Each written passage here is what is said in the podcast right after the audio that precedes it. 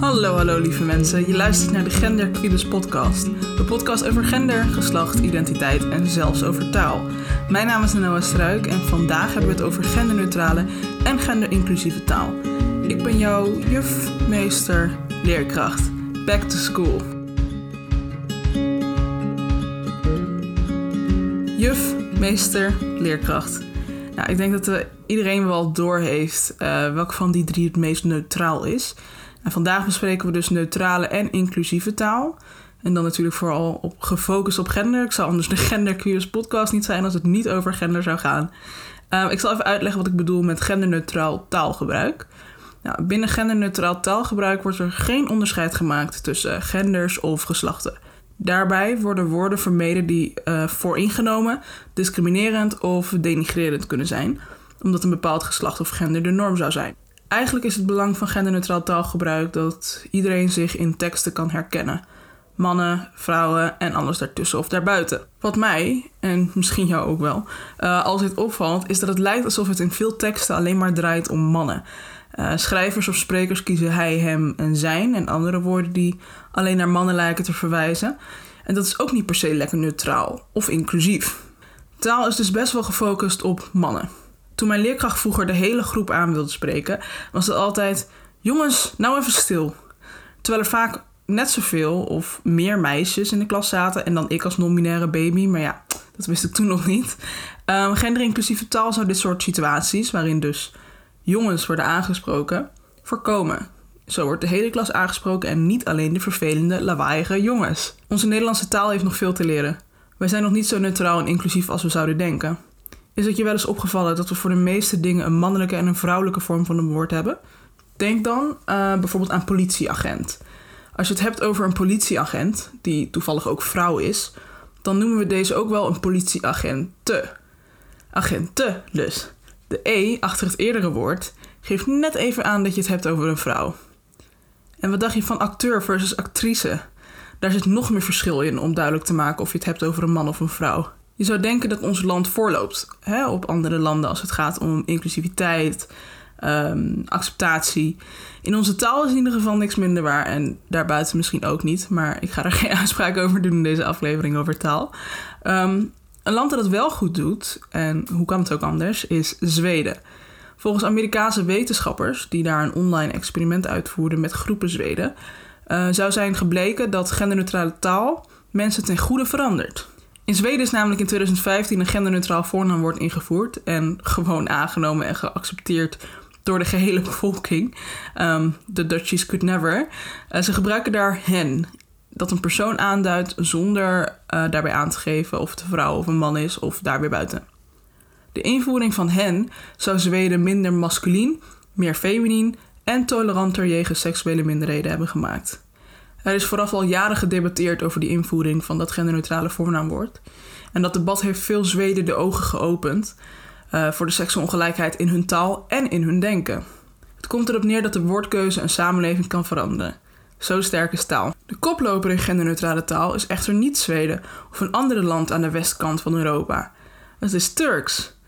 Turks heeft geen Zweedse hen nodig en duidt al van oudsher de derde persoon aan met simpelweg één letter. O. Ja, dat is de letter. O is bruikbaar voor mannen, vrouwen, andere genders of wie dan ook. Turks heeft ook geen ingewikkelde regels voor mannelijk, vrouwelijk of onzijdig. Geen toestanden als de Nederlandse het-woorden of de Duitse uh, der die das, der, das die. Ik heb nooit Duits gehad. Uh, en die lidwoorden. Uh, want Turks kent helemaal geen lidwoorden. Daarnaast is in Turkije een leraar gewoon een leraar. Uh, je hebt wel uitdrukkingen wat neerkomt op vrouwleraar of manleraar. Uh, maar die voorvoegsels zijn helemaal niet verplicht. Dat betekent natuurlijk niet dat het helemaal koek en ei is in Turkije uh, als we het hebben over gender. Want taal is natuurlijk niet de enige bepalende factor. Taal speelt een bijrolletje. Maar taal is wel een bijrolletje waar iedereen aan kan bijdragen. Taal kies je namelijk zelf. En taal is elke keer als je spreekt, schrijft of zelfs gebaart een keuze. Taal kan je dan ook zelf aanpassen, neutraler en inclusiever maken. Goed begin wat mij betreft. En hoe maak je taal dan neutraal slash inclusief? Um, er is sowieso één methode die ik wil benoemen bij het neutraal maken van taal en dat is voornaamwoordvervanging. Nou, voornaamwoordvervanging is iets wat ik nou ja, zelf al zoveel mogelijk doe, of probeer te doen in ieder geval, omdat ik neutrale taal enerzijds belangrijk vind, maar ook in sommige gevallen niet van iemands voornaamwoorden wil uitgaan als ik die niet weet. Uh, je kunt voornaamwoordvervanging toepassen door het neutrale hen, hun en die dienst te gebruiken in alle scenario's. Of natuurlijk een ander neutraal voornaamwoord. Ik bedoel, er zijn een heleboel dingen uh, die niet in het woordenboek staan. Daarnaast kun je voornaamwoorden in het algemeen vervangen door uh, andere woorden. Ik zal een paar voorbeeldjes geven. Allereerst, Noah liep naar zijn auto om zijn boek eruit te halen. Nou, hier gebruik ik dan het tussen aanhalingstekens mannelijke voornaamwoord zijn. Van hij, hem, zijn auto en zijn boek.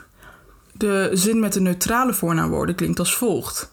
Noah liep naar hun auto om hun boeken uit te halen. Mocht je voornaamwoorden helemaal willen laten gaan, dan uh, zou de zin veranderd kunnen worden naar...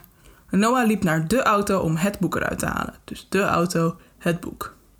Het klinkt gemakkelijk, maar het veranderen van je taalgebruik is toch ingewikkelder dan je denkt. Het is iets wat, nou ja, best wel vastgeroest kan zitten. Ik bedoel, je bent er natuurlijk jaren mee opgegroeid met een bepaald iets. En als je het dan moet veranderen, dan uh, gaat dat niet zo makkelijk als je misschien zou denken. Je mag er gerust ook mee oefenen met deze veranderingen. Vooral als je een tekst schrijft, is het in principe makkelijker om stil te staan bij je woorden. Uh, voordat je bijvoorbeeld je tekst publiceert. Nog een mogelijkheid om voornaamwoorden zoals hij en zij te vermijden is de lezer direct aanspreken. Voorbeeld: We verwachten van elke deelnemer dat hij actief bijdraagt aan deze training. Nou lezen hoor ik vaak dat mensen er hij en zij van maken, dus dat het wordt um, we verwachten van elke deelnemer dat hij of zij bijdraagt aan deze training. Maar als je de lezer of het publiek direct aanspreekt, dan zou je de zin als volgt kunnen vormen.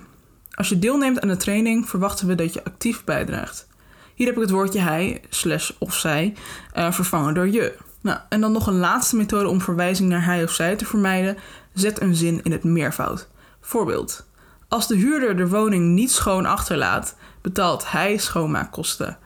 Nou, als je daar dan een van maakt. Als de huurders de woning niet schoon achterlaten, betalen ze schoonmaakkosten. Dan zit je ook niet meer met hij of zij te, te klieren. Wat ik als non-binair mens zelf wel eens lastig vind, zijn woorden waar een gender aan hangt. Wat dan voornamelijk mannelijk of vrouwelijk uh, zou zijn. Denk aan de woorden broer, zus, tante, oom, papa, mama, zoon, dochter, nichtje, neefje enzovoort. Eigenlijk een heleboel woorden. Uh, toen ik zelf uit de kast kwam als non-binair waren dat de vragen die mijn familie stelde. Hoe moeten we je dan nu noemen? Nou, mijn voorkeur gaat altijd uit naar mijn naam, want daarmee blijf je vaak enorm neutraal en kan het nooit misgaan. Maar wat als je je relatie tot iemand moet omschrijven? Een aantal neutrale woorden die ik heb ontdekt de afgelopen jaren wil ik daarom even benoemen, zodat jij ook een houvast hebt hiervoor. Voor broer en zus is het eigenlijk ja, best wel simpel. Je maakt gewoon een samenvoeging. Brus. Ik heb ook wel eens mensen gehoord over nestgenoot. Dat vind ik ook echt wel een goeie. Uh, dus onthoud ze allebei. Uh, neef of nicht? Mijn voorkeur gaat uit naar nif. Niet te vergissen natuurlijk met straattaal Niffo. Um, al is dat up to you als je je daar prettig bij voelt. Um, papa en mama kan natuurlijk gewoon ouder of verzorger worden. Uh, maar als je een kind hebt en je wil niet dat hij jouw ouder of verzorger of bij je naam noemt, dan kun je nog gebruik maken van weer een samenvoeging, mappa. Mama en papa in één woord. Ik ben mijn moeders kind, niet meer mijn moeders dochter, ook niet mijn moeders zoon. Uh, maar hier zou je ook weer een soort samenvoeging kunnen gebruiken van zoon en dochter. En dan krijg je bijvoorbeeld doon. Uh, maar mijn moeder noemt mij altijd uh, haar kind. Heb je een relatie of meerdere? vriendje of vriendinnetje zijn makkelijk te vervangen door partner. Of leukere, lievere woordjes zoals mijn lief, mijn liefde. En zoals mijn partner mij noemt, datemate. Nou, naast die voornaamwoordvervanging die ik uh, net al even opnoemde, waarmee je taal dus neutraler kan maken, is het ook belangrijk om je taal inclusiever te maken. Toen mijn leerkracht vroeger altijd: hey jongens, wees stil riep tegen de klas, zouden in principe de meiden en andere niet-jongens dus gewoon door mogen gaan met lawaai maken. Je ziet pas hoe onze taal is ingericht op mannen als je het letterlijk gaat nemen. Als de klas het woordje jongens letterlijk had genomen, dan zouden inderdaad alleen de jongens hun kop moeten houden. Dat is natuurlijk helemaal terecht. Ehm, maar dat was dus waarschijnlijk niet het doel dat de leerkracht voor ogen had. Er zijn natuurlijk een heleboel opties om dat bevel inclusiever te maken. Je zou jongens kunnen vervangen door allemaal, kids of klas. En je kan eigenlijk nog wel even doorgaan. Een tip: ga niet voor jongens en meisjes of dames en heren. Hou rekening mee dat je daarmee niet iedereen aanspreekt. Probeer het in dat opzicht weer neutraal te houden. En dat kun je doen door uh, uitingen van gender te minimaliseren. Een bekend voorbeeld: de kondigde drie jaar geleden aan dat zij vanaf toen beste reizigers zouden omroepen en niet meer uh, beste dames en heren of dames en heren, wat zeiden ze. Hierbij werkt het om dames en heren, of jongens en meisjes, te veranderen naar de functie van de groep of personen die je aanspreekt. Bijvoorbeeld dus reizigers, of publiek, of lezers. En ga zo nog maar even door. Woorden die geen gender aanduiden spreken in principe iedereen aan. Win-win. Wat ik als laatste nog wil noemen is dat je in taal, zowel gesproken als geschreven taal, het beste ook stereotypes kunt vermijden. En dan vooral de stereotypes die we hebben geplakt aan bepaalde genders, specifiek mannen en vrouwen. Ga er bijvoorbeeld niet vanuit dat alle vrouwen ongesteld worden of een vagina hebben. Sommige mannen worden juist wel ongesteld of hebben geen penis. Daarnaast, niet alle vrouwen willen kinderen. En niet alle homomannen houden van mode. Portretteer meisjes niet slechts als lieve, lachende prinsesjes uh, die gered moeten worden door een prins. En portretteer jongens dan ook niet slechts als wilde, stoere, vechtende superhelden of weer die prinsen die die prinsesjes moeten redden. Nou, laat ik nu maar stoppen, voordat je helemaal niks onthoudt uh, van deze genderles uh, Back to School editie. We kletsten over genderneutrale en genderinclusieve taal, waarbij ik je liet weten dat Zweden het beter doet dan wij, maar Turkije helemaal voorop staat. Ik noemde voornaamwoordvervanging als een methode om je taal neutraler te maken en dat kan op de volgende manieren. Hij zij vervangen door hen, hun of andere neutrale voornaamwoorden. Hij zij en hun vervangen door andere woorden iemand direct aanspreken, waardoor je hij, zij en hun vermijdt door je te zeggen. En als laatste woorden in meervoud zetten. Taal kun je inclusiever en neutraler maken door uitingen van gender te minimaliseren. Dit kun je bijvoorbeeld doen door mensen aanspreken op hun functie. Neem nou beste reizigers in plaats van beste dames en heren. Hierbij is reizigers de functie en het is neutraal. Allerlaatst, maar niet geheel onbelangrijk, probeer stereotypes te vermijden. Houd in je achterhoofd dat sommige stereotypes echt stammen uit de oertijd en we leven inmiddels in 2020. Bedankt voor je begrip. En ook weer bedankt voor het luisteren. Ik hoop dat je op zijn minst iets geleerd hebt en zo niet, dat je het door kan sturen naar een ander. Ik ga afsluiten met het volgende. Taal is elke dag een bewuste keuze en het is een makkelijke manier om zelf deel te nemen aan verandering. Dat kunnen we allemaal en dat doen we samen. Let's educate each other.